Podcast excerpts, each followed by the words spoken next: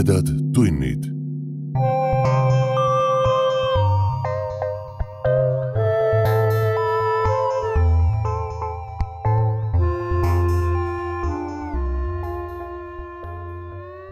tere, hea ulmesõber.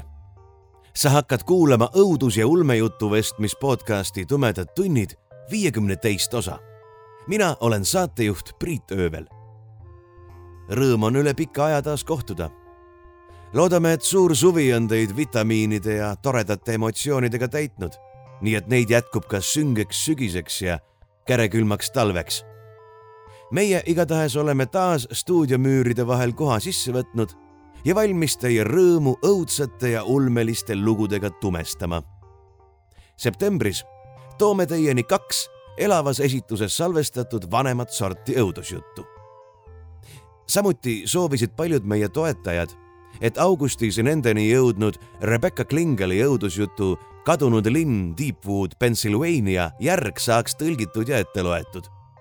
Neile võin julgustuseks öelda, et esimene osa sellest kaheosalisest järjest saab Patreoni lehel kuuldavaks juba järgmisel nädalal. aga ärgem rutakem sündmustest ette. nüüd siis esimene neist kahest septembrikuisest loost. Me läheme Tartu lähedale Ilbu jahimajja, laager kaheksateist õhtuse lõkke äärde, kus sai ette loetud Edward Frederick Bensoni õudusjutt Jaht Ahnaleishis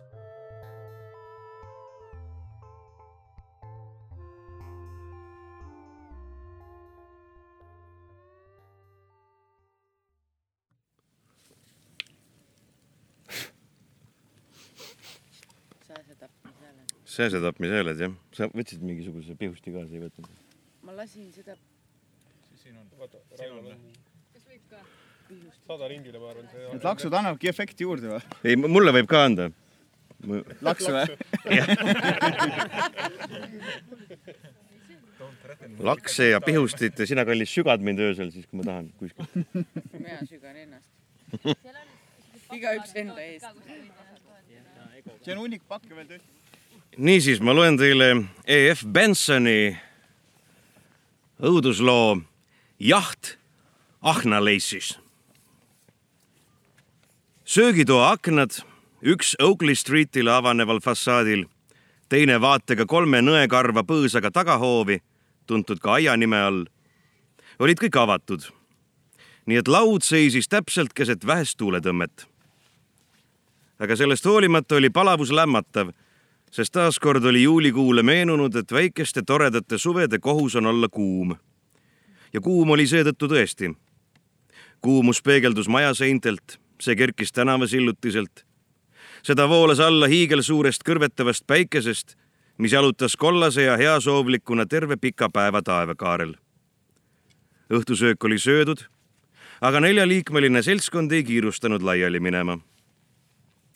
Mabel Armitage see oli tema, kes oli rääkinud meile väikeste toredate suvede kohusest. hakkas esimesena rääkima. oh, Jim, see kõlab liiga taevalikult, lausus ta. ainuüksi sellele mõtlemine tekitab jaheda tunde. vaid kujuta ette, kahe nädala pärast oleme kõik neljakesi seal, meie oma jahimajakeses. talumajas, parandas Jim. nojah, ega ma ei arvanudki, et see on Balmoral kus meie oma kohvivärvi lõhejõgi voolab mööda, et suubuda meie oma mägijärve. Jim süütas sigareti. Mabel, sa ei tohi mõelda jahimajadele, lõhejõgedele ega mägijärvedele, ütles ta. see on talumaja, üsna suur. ehkki ma olen kindel, et meil saab olema üsna keeruline end sinna ära mahutada. see lõhejõgi, mida sa mainisid, on suurem oja, ei enamat. ehkki selgus, et sealt on ka lõhet püütud aga kui ma seda nägin, siis oli selge, et lõhel oleks pidanud olema kõvasti nutikust, et end sellesse ära mahutada. nagu peab nutti olema ka meil sellesse talumajja mahtumisel. ja see Mägijärv on tilluke. Mabel haaras mu käest Mägismaa jahimajade teejuhi niisuguse jõuga, mida isegi õde ei peaks oma vanema venna suhtes üles näitama ja osutas kuivetu sõrmega oma abikaasale. Ahnaleish, luges ta, asub Sutherlandshire kaugeimas ja toredaimas piirkonnas. jahipidamiseks ja kalastamiseks sobiv, väike maja antakse üürile kaheteistkümnendast augustist oktoobri lõpuni. omanik tagab kaks teenijat, kalapüügiabilise, paadi Mägijärvel ja koerad. üüriline peaks saama umbes viissada rabapüüd ja viissada pead erinevaid loomi ja linde, kaasa arvatud nurmkanad, metskurvitsad, tedred, nepid, tikutajad ja metskitsed. Leidub ka väga suurel hulgal jäneseid, eriti kui küttida neid tuhkru abil urgudest Mägijärvest saab suurte korvide kaupa pruuni forelli ja kui on tõusuvee aeg, siis ka meriforelli ja mõnikord lõhet. majakeses on, ma ei suuda jätkata, siin on liiga palav. aga te teate juba ülejäänut. rent on ainult kolmsada viiskümmend naela. Jim kuulas kannatlikult. noh, ütles ta. ja siis? Mabel tõusis väärikal ilmel püsti. see on jahimaja koos Lõhe jõe ja Mägijärvega, täpselt nagu ma ütlesin. tule, Madge, lähme välja, majas on liiga palav istuda. sa helistad siis Buxtonile, majordoomusele, märkis Jim, kui ta abikaasa temast möödus. ma võtsin taas kätte Mägismaa jahimajade teejuhi, mille mu õde oli nii tseremoonitsemata mult haaranud ja võrdlesin ajaviiteks Ahnaleishi renti, Ahnaleishi renti ja atraktsioone teistes väljaüüritavates kohtades. tundub tõesti odav, laususin. siin on üks teine koht, umbes sama suur ja samasuguse looma ning linnu valikuga, mille eest küsitakse viissada naela. ja siin on veel üks viiesaja viiekümnene. Jim valas endale kohvi. jah, see tundub odav, ütles ta. aga loomulikult on see väga kaugel mul kulus Lergist sinna jõudmiseks tubli kolm tundi ja enda arvates sõitsin ma väga napilt alla lubatud maksimumkiiruse. aga nagu sa ütlesid, see on odav. Madgil, kes on minu naine, on omad eelarvamused. üks neist, ja see on väga kallis, on see, et kui miski on väga odav, siis on sellel alati mingisugune varjatud kaval puudus, mille sa avastad siis, kui on juba hilja. Ja odavate majade puudused on kas torustik või majapidamisruumid esimese olemasolu ja teise puudumine, nagu öeldakse. nii et ma pakkusin need välja. ei, torustikuga on kõik korras, ütles Jim, sest ma sain vastava inspektori sertifikaadi ja mis puutub majapidamisruumidesse, siis ma arvan tõesti, et köök ja sahvrid on paremad kui meie toad. ei, ma tõesti ei saa aru, miks see nii odav on. võib-olla on jahisaagi hulk ülehinnatud, pakkusin. ei, see ongi see kummaline asi ütles ta. ma olen kindel, et loomade ja lindude hulka on alahinnatud. vähemalt siis, kui ma paar tundi Nõmmel jalutasin, see lihtsalt kihas jänestest. ainuüksi sellel Nõmmel oleks võinud lasta viissada tükki. jäneseid, küsisin. nii kõrgel üleval on see üsna veider või kuidas? Jim naeris. ka mina arvan sama. ja need jänesed on imelikud, suured elajad, väga tumedat värvi Lähme välja teiste juurde, jumal, kui palav õhtu täna on. nagu Mabel oli öelnud, kihutasime täpselt kahe nädala pärast neljakesi. meie neli, kes me olime Chelsea's lämbunud ja higistanud, autoga läbi jahedate ja kosutavate põhjapiirkonna tuulte. maantee oli suurepärases seisukorras ja ma poleks pidanud imestama, et Jimmy suur Napier kihutas teist korda napilt alla lubatud piirkiiruse teenijad olid läinud otse kohale, asudes teele meiega samal päeval, samas kui meie olime jäänud ööseks Perthi, sõitnud sealt Invernessi ja olime nüüd teisel päeval lähenemas sihtmärgile. ma pole elu sees näinud nii inimtühja teed. ma arvan, et miili ulatuses ei olnud seal ühtegi inimest. me olime lahkunud Lergist umbes kella viie paiku õhtul ja lootsime jõuda Ahnaleishi kaheksaks aga meid tabas üks õnnetus teise järel. kord oli see mootor, siis jälle rattakumm, mis meid kinni pidas. kuni lõpuks peatusime kaheksa miili kaugusel sihtkohast, et auto laternat süüdata. sest koos õhtuga oli lääne poolt kohale ilmunud võimas pilvemürakas. nii et jäime ilma põhjapoolsest päikeseloojangu järgsest selgest taevast. siis sõitsime taas edasi, kuni masin jõudis kergelt rappudes üle silla ja Jim ütles see on meie Lõhe jõe sild. nii et pange tähele, kui tuleb maja poole ära keerata. see on paremat kätt ja väga kitsas tee. sa võid gaasi vajutada, Sefton, hõikas ta autojuhile. siin ei ole ainsatki inimest. mina istusin juhi kõrval ning kiirus ja pimedus tundusid mulle erakordselt elevust tekitavad. Autotuled heitsid ereda valgusringi, samas kui külgedel, kus lambikatted valguse ära lõikasid, oli üleminek pimeduseks terav ning järsk. aeg-ajalt silkas läbi selle valgussõõri mõni olevus. kord oli see lind, kes vehkis kiiresti tiibadega, kui see nägi heledat koletist ja pääses napilt pihta saamisest. kord oli see tee ääres rohtu näkitsev küülik kes hüppas teele ja siis jälle tagasi. aga kõige sagedamini oli see jänes, kes kalpsas söögi juurest maanteele ja jooksis siis meie ees edasi. valguse näis neid pimestavat ja hirmutavat ning nad olid võimetud tagasi pimedusse pöörama. kuni ikka ja jälle tundus mulle, et me ajame mõne alla, sest need meeleheitlikud põiked, mis neid siiski päästsid, olid nii napid. siis tundus, et üks kerkis otse kui meie alt teele ette ja ma nägin oma üllatuseks, et see on hiiglakasvu ja värvi poolest ilmselt täiesti must. see jooksis mitusada jardi meie ees, teda jälitava heleda valguse lummuses. siis aga sööstis ta pimeduse poole nagu teisedki enne teda. aga ta jäi hiljaks. ja jäleda jõnksatusega sõitsime loomast üle. Shefton aeglustas otsekohe ja peatas auto sest Jimmy reegliks on minna alati tagasi ja veenduda, et ükskõik milline õnnetu allaaetud elukas on surnud. Nii et kui masin oli seisma jäänud, hüppas autojuht välja ja jooksis tagasi. mis see oli? küsis Jim, kui me masinas ootasime. jänes. Shefton tuli joostes tagasi. jah, söör, täitsa surnud, ütles ta. ma korjasin selle üles, söör. mille pärast ometi? Ar arvasin, et tahate seda näha, söör. see on kõige suurem jänes, mida ma olen elus näinud. ja see on üleni must. Vahetult pärast seda jõudsime maja juurde viivale teeotsale. ja mõne minuti pärast olime juba majakeses sees.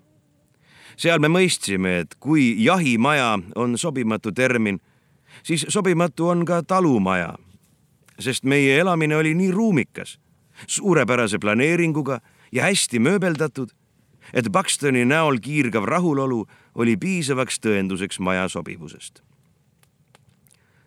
Suure lahtise kaminaga hallis paiknesid paar suurt ja korralikku raamatukappi, mis oleksid nagu mõnest haritud vaimulikust maha jäänud.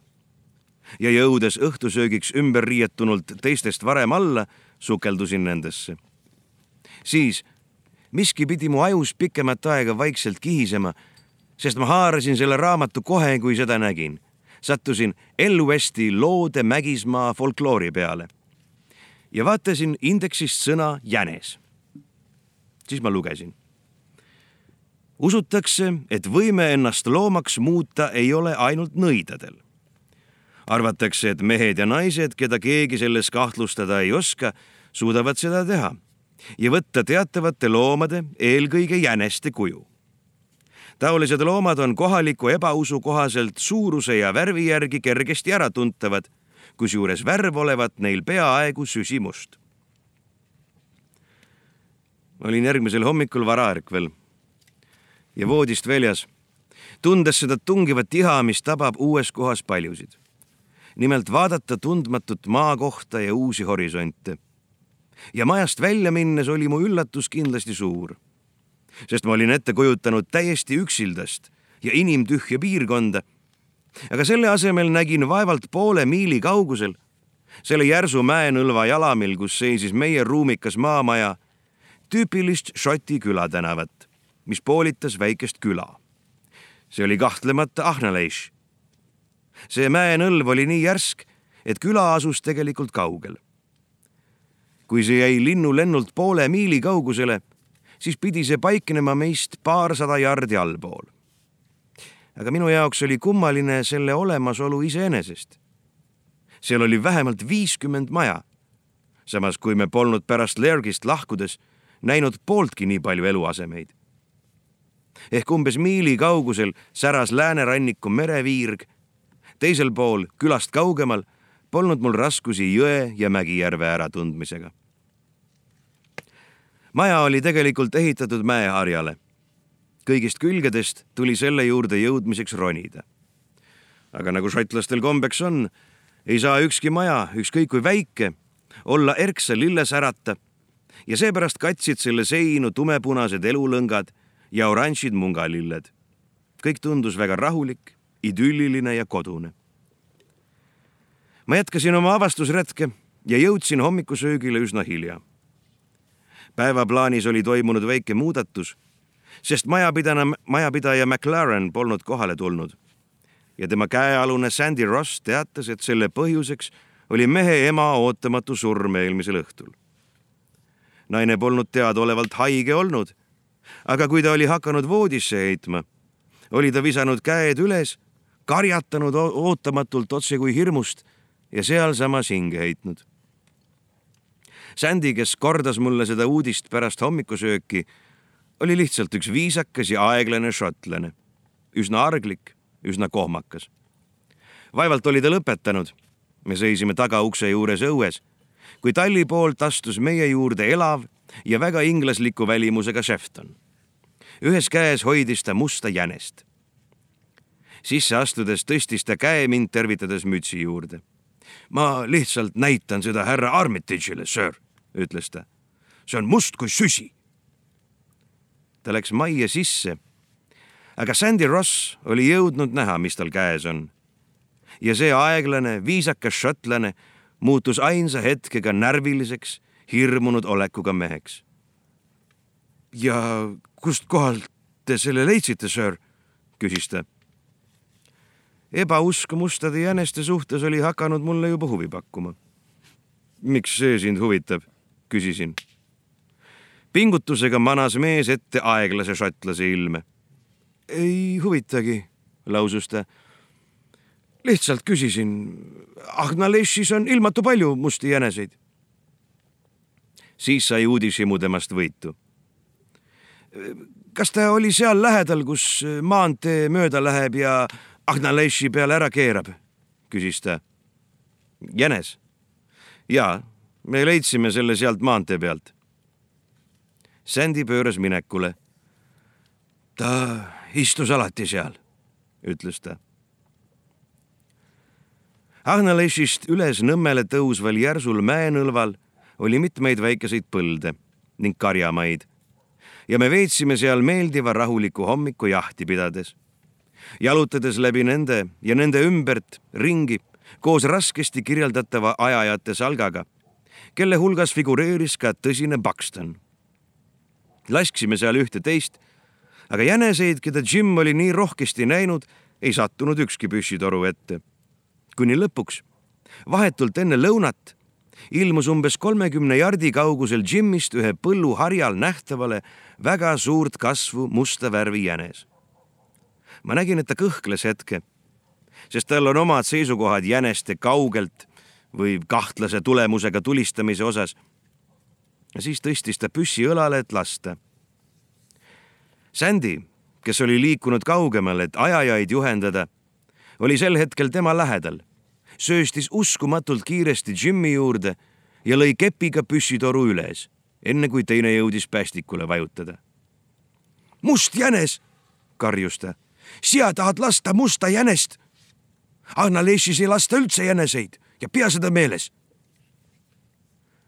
ma pole mitte kunagi näinud, et inimese näoilme nii ebaharilikult kiiresti ja ootamatult muutuks ta oleks otsekui takistanud mõnel tänavakaabakal oma naist tapmast. ja haigus käib ringi ja kõik, lisas ta pahaselt. kutt vaene rahvas põgeneb oma palavikust vaevatud kehadest tunniks või kaheks külmema nõmme peale. siis näis ta end kokku võtvat. ma palun vabandust, söör, ütles ta Jimmile. ma olin ühest teist asjast ärritunud ja ja see must jänes, kelle te eile öösi surnult leidsite. ah, jälle ma lobisen. aga Anna-Leishis jäneseid eest lasta, see on küll kindel. Jim vahtis ikka veel sõnatus jahmatuses Sandit, kui mina kohale jõudsin. ja ehkki jahipidamine on mulle kallis, on mulle kallis ka folkloor. aga me tulime Ahnaleiši jahiretkele, Sandy, ütlesin. Keegi ei öelnud, et jäneseid ei tohi lasta. Sandy küttis end jälle korraks üles. jah, võib-olla Põldsal midagi öeldud ka naiste ja latsekeste tulistamise kohta, karjus ta. ma vaatasin ringi ja nägin, et nüüd olid kõik ajajad puude vahelt välja tulnud. Nende seas ka Buxton ja Jimmy Teener, kes seisid eemal. kõik ülejäänud seisid meie ümber, silmad põlemas ja suud ammuli, kuulates vaidlust ja püüdes, nagu mulle tundus, oma viletsa inglise keele tõttu lähedal olla, et saada aimu, mis toimub. aeg-ajalt pomisesid nad midagi omavahel kääli keeles ja miskipärast mõjus see mulle kummaliselt rahutuks tegevalt. aga mis on jänestel pistmist Ahnaleiši naiste või lastega? küsisin. sellele vastust ei tulnud. ainult korrati juba kuuldut. Ahnaleišis jäneseid es lasta, mitte kunagi. ja siis pöördus Sandy Jimmy poole. siin see mets lõpsi, söör, ütles ta. ring sai peale tetu jaht oli kindlasti edukas olnud. Jim oli tabanud metskitse. ühe oleksin peaaegu ka ise kätte saanud. aga kui ta ka pihta sai, siis ikkagi jooksis minema. meil oli tosin tetre, neli tuvi, kuus paari rabapüüsid. Need olid loomulikult juhuslikud eksemplarid, sest päris Nõmmele me polnud jõudnudki. umbes kolmkümmend küülikut ja neli paari metskurvitsaid täpsustuseks tuleb mainida, et need olid kütitud vaid majalähedastelt põldudelt. aga see oli ka kõik, mis meil oli kavas sel päeval lasta, sest hommikupoolikuks piisas ja meie daamid olid avaldanud soovi võtta pärastlõunal esimesed õppetunnid õngitsemiskunstis. Nii et ka nendele jagus tegemist. Sandy oli etteajamisega suurepäraselt hakkama saanud ja ta lahkus, tuues meid, nagu ta ütles, pärast ringi peale tegemist ainult paarisaja jardi kaugusele majast, kui kella kahest puudus paar minutit. seejärel, kui Jim oli mulle salamisi silmadega märku andnud, pöördus ta Sandy poole, viies jutu jäneste teemast hoopis eemale. Etteajamise töö oli väga hästi tehtud, ütles ta. ja täna pärastlõunal lähme kalale. palun õienda igal õhtul ajajatega arved ja ütle siis mulle, kui palju sa välja maksid kohtume teie kõigiga hommikul. me kõndisime maja poole tagasi. aga kohe, kui olime selja pööranud, hakkas meie taga vaikne jutukõmin. ja tagasi vaadates nägin, et Sandy ja kõik ajajad olid kokku kogunenud ja sosistasid omavahel. siis avas Jim suu. see on rohkem sinu kui minu teema, ütles ta mina eelistan jäneste laskmist mingile naeruväärsele legendi väljatuhnimisele. mida see kõik tähendab? ma mainisin, mida olin eelmisel õhtul Elvsi raamatust lugenud nii et nad arvavad siis, et meie tapsime maanteel selle vanaproua ja et mina kavatsesin täna hommikul veel ühe inimese tappa, küsis ta. no kuidas me teame, et nad ei ütle varsti, et küülikud on nende tädid, kurvitsad onud ja rabapüüdlapsed ma pole elu sees taolist jura kuulnud. ja homme ootab meil ees jänesejaht. kuradile need kurvitsad. me lahendame selle jänese küsimuse kõigepealt. selleks ajaks oli Jimmy meeleolu tüüpilise inglase oma, kes tunneb, et tema õigusi rikutakse. Ta oli maksnud Ahnaleiši jahipuhkuse eest, kus pidi saama jäneseid, söör, jäneseid. ja kui ta tahtis jäneseid lasta ei saanud paavsti pulla ega kuninglik harta teda peatada. siis läheb tüliks, ütlesin mina ja Jim turtsatas põlglikult. lõuna ajal sai seletust Sandy märkus haiguse kohta, mille olin tolleks ajaks juba unustanud. Kujutage ette, see kohutav gripilaine jõuab siia, ütles Madge. me käisime Mabeliga täna hommikul all külas ja teed seal saab ühest täiesti taevalikust poest igasugu asju osta. vihmamantlitest piparmündini. ja seal oli üks laps, kes nägi kohutavalt haige ja palavikus välja. me hakkasime siis küsima ja öeldi, et see on haigus. see oli kõik, mida nad teadsid. aga selle naise jutust saime aru, et see on ilmselgelt gripp. ootamatu palavik ja kõik muud sümptomid. raskemat sorti. jah, vanemate inimeste hulgas on esinenud juba mitmeid surmajuhtumeid, kui sellele on järgnenud kopsupõletik ma loodan, et inglasena on ka minul arusaam oma õigustest. ja üldjuhul ma vähemalt üritan neid kaitsta, kui neid põhjuseta rikutakse. aga kui üks pöörane pull soovib mind takistada üle teatava karjamaa minemast, siis ma ei hakka oma õigustega peale käima, vaid lähen pigem ringi. sest ma ei näe mõistlikku võimalust pulli veenda, et minu riigi põhiseaduse järgi on mul õigus häirimatult üle selle karjamaa kõndida ja kui me tollal pärastlõunal Magiga Mägijärve kaldal aega veetsime, kui ma parajasti tema omavahel sassi läinud õngenööre lahti ei harutanud või tema juustest või oma kuueküljest õngekonksu valla ei päästnud, mõtlesin meie positsioonile Ahnaleiši inimeste ja jäneste küsimuses.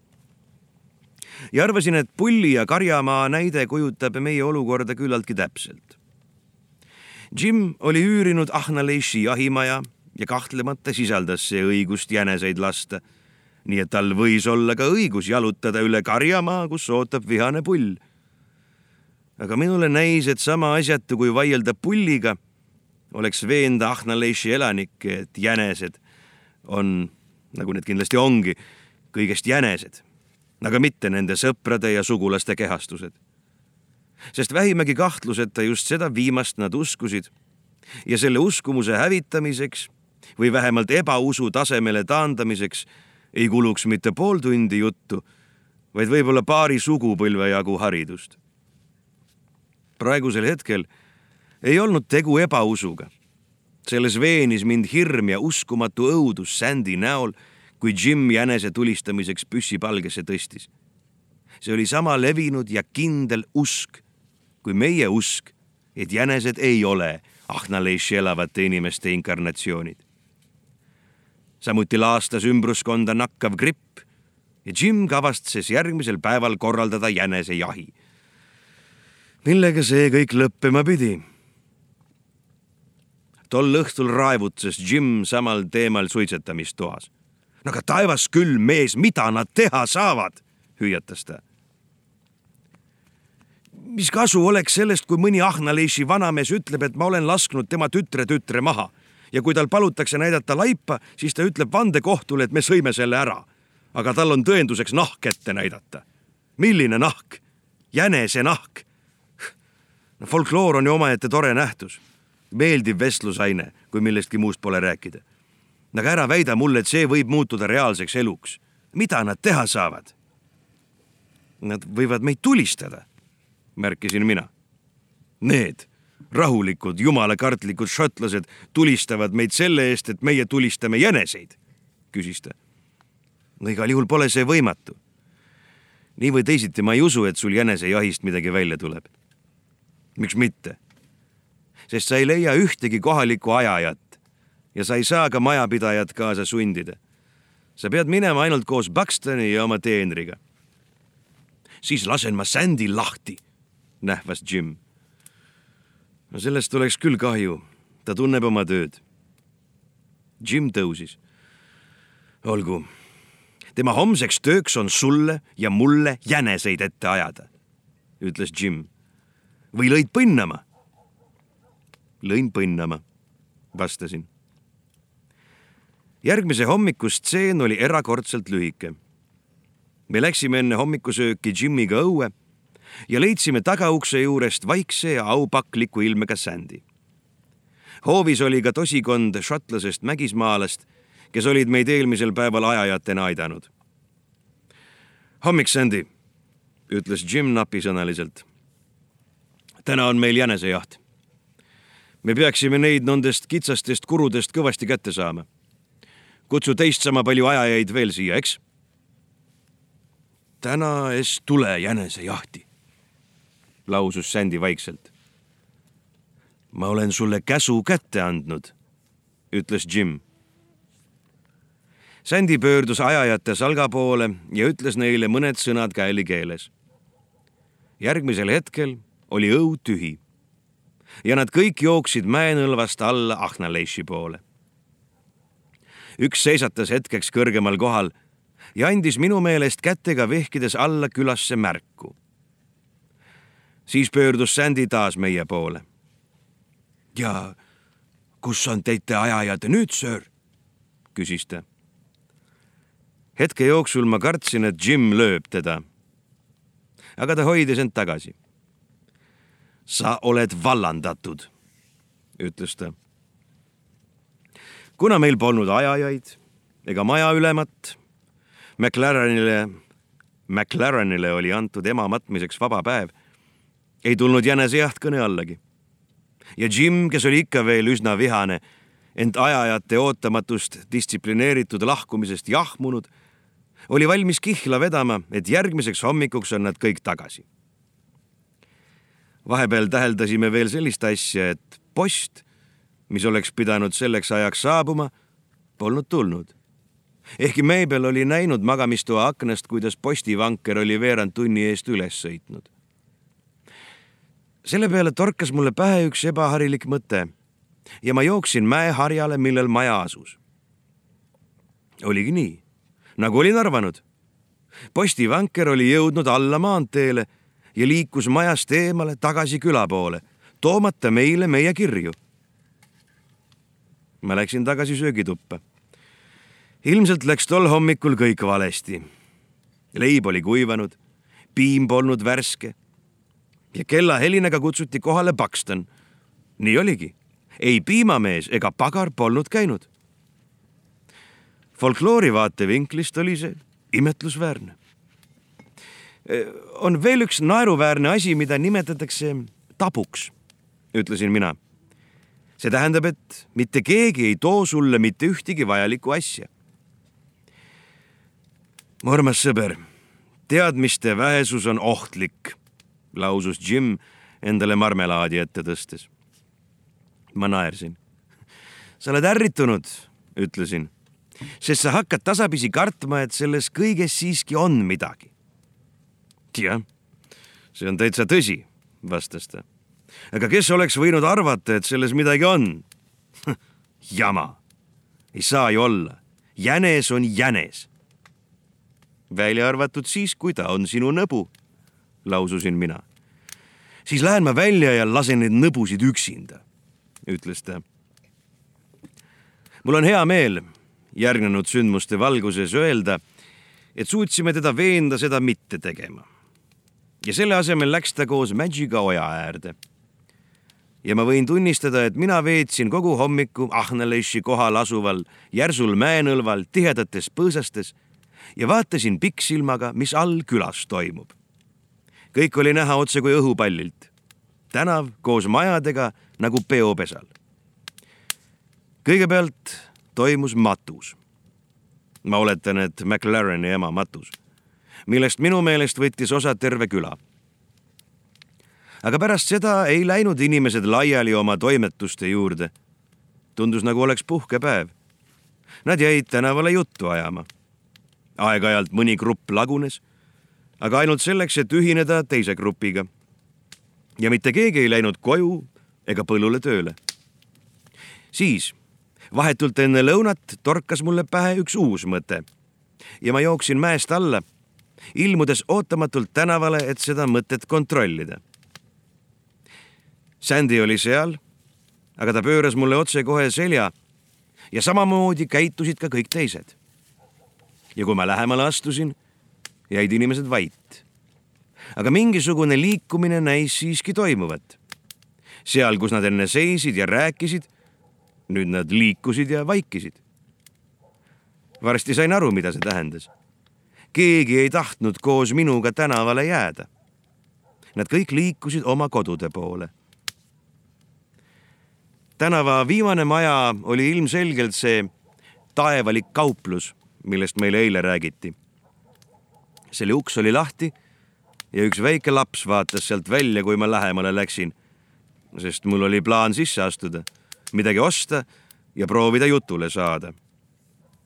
Aga, aga kui ma olin veel vaid jardi või kahe kaugusel, siis nägin läbi ukseklaasi, kuidas sees olnud mees kiiresti ukse juurde astus, lapse jõhkralt eemale tõmbas, ukse pauguga kinni lõi ja lukku keeras.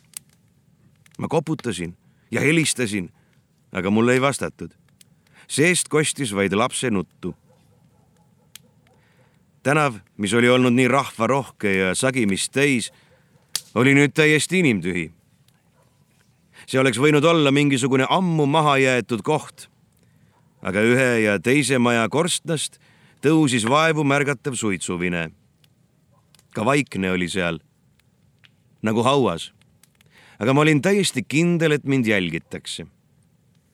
olin veendunud, et kõigist majadest jälgivad mind usaldamatust ja vihkamist täis silmad. kuid ainsatki märki ühestki elavast olendist ma ei näinud. See mõjus mulle kõhedust tekitavalt. teada, et sind jälgivad nähtamatud silmad pole minu arvates kunagi päris meeldiv tundmus.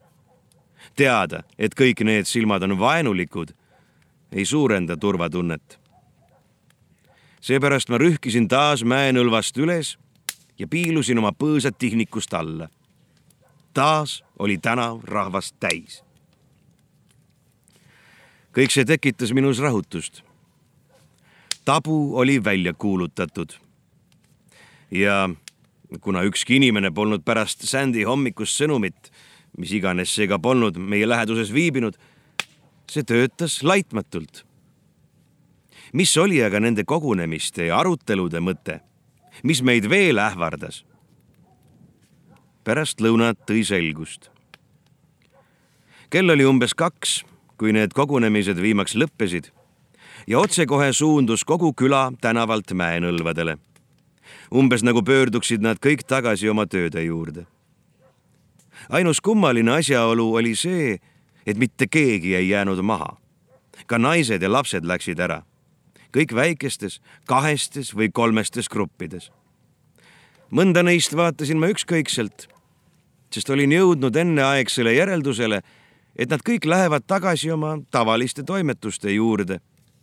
Ja nägin, kuidas üks naine ja tüdruk lõikasid kuivanud kilpijalgu ja kanarpikku. see näis piisavalt mõistlik tegevus ja ma suunasin pikksilma teistele. ma vaatlesin gruppi grupi järel. kõik tegid sama asja. lõikasid küttematerjali, kütet. siis sähvatas mul peas üks mõte, esialgu häguselt, sest tundus liiga uskumatu seejärel sähvatas see uuesti ja juba väga eredalt. selle peale lahkusin ma oma peidupaigast silmatorkava käbedusega ja suundusin oja äärde Jimmy otsima. ma rääkisin talle üksikasjalikult, mida olin näinud ja mida see minu arvates tähendas. ja mulle näis, et tema usk folkloori tungimisest praktilise elu sfääri kasvas ühtäkki üsna kiiresti. Nii või teisiti vähem kui veerand tunni pärast sõitsin ma koos autojuhiga nii kiiresti, kui Napier suutis, mööda maanteed Lergi poole. me polnud naistele rääkinud, mida ma kartsin, sest me arvasime, et võttes ette need sammud, mida me nüüd võtsime, pole põhjust häiret tõsta. tolleks ööks majja jäänud Jimmy ja minu vahel oli kokku lepitud ainult üks märguanne. kui minu oletused osutuvad õigeks pidi ta minu tuppa tule põlema jätma. ja seda ma näeksin, kui pimedas Lergist tagasi pöördun.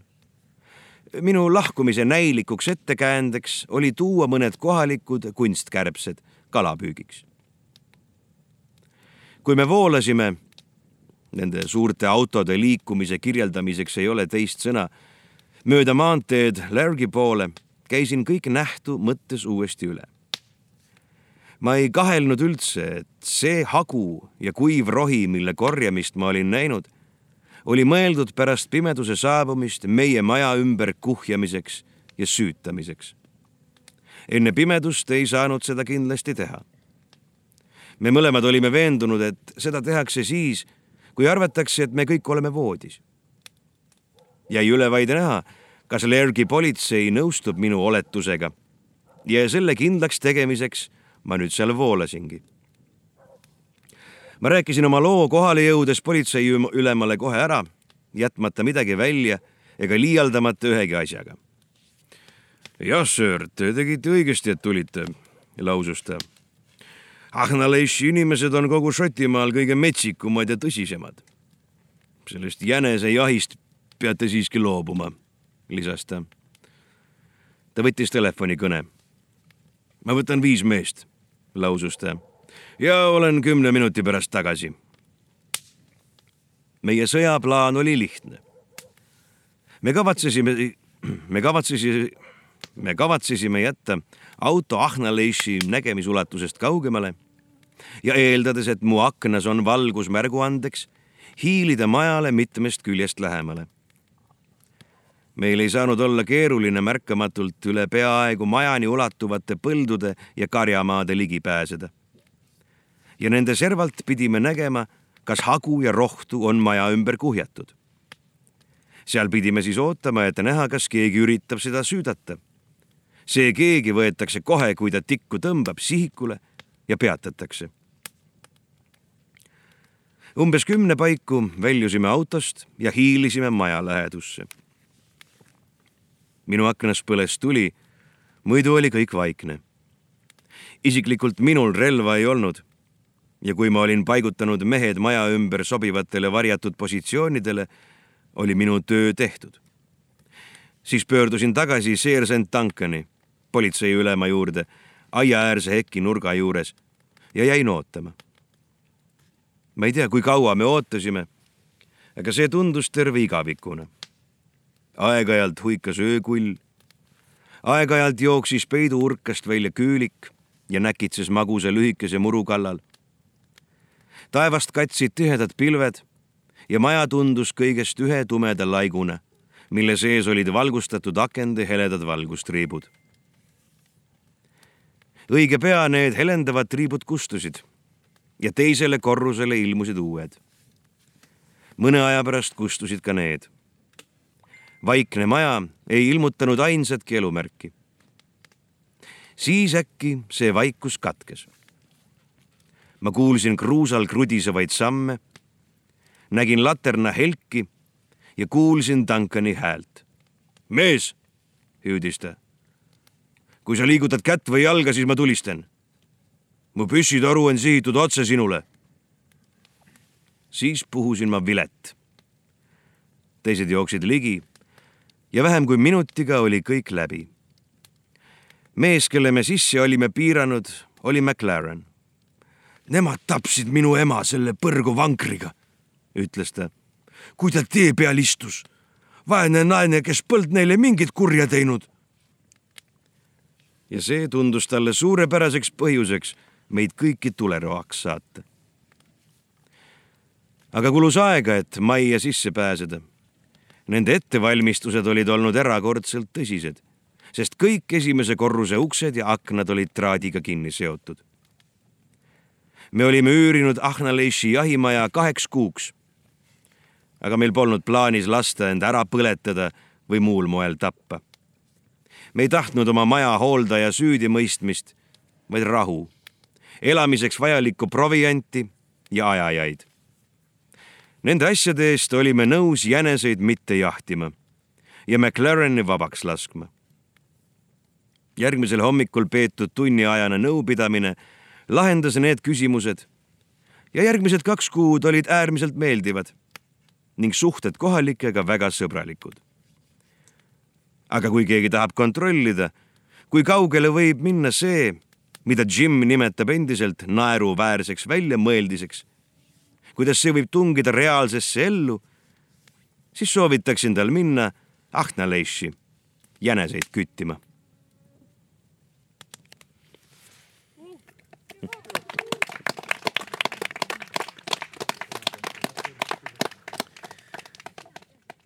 Ma ei tea, kas tahaksite ühte lugu veel või?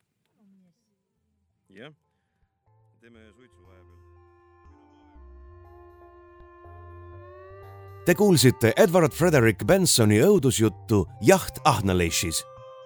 jutt pärineb kirjastuses Fantaasia kahe tuhande neljateistkümnendal aastal ilmunud E.F. Bensoni kogumikust Õuduse sarv. septembris kohtume teiega korra veel, kui veel üks vana jutt saab ette loetud ühes veelgi vanemas paigas. seni jagage meid oma sõprade ja vaenlastega ning võimalusel hakake meie toetajaks lehel patreon.com kaldkriips tumedad tunnid. kõhedate kuulmisteni